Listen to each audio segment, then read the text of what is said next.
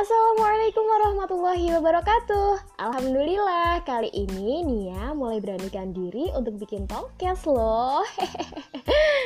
Oh iya, selain untuk membunuh kegabutan Semoga dari Talkcast ini bisa menebar kemanfaatan untuk banyak orang ya.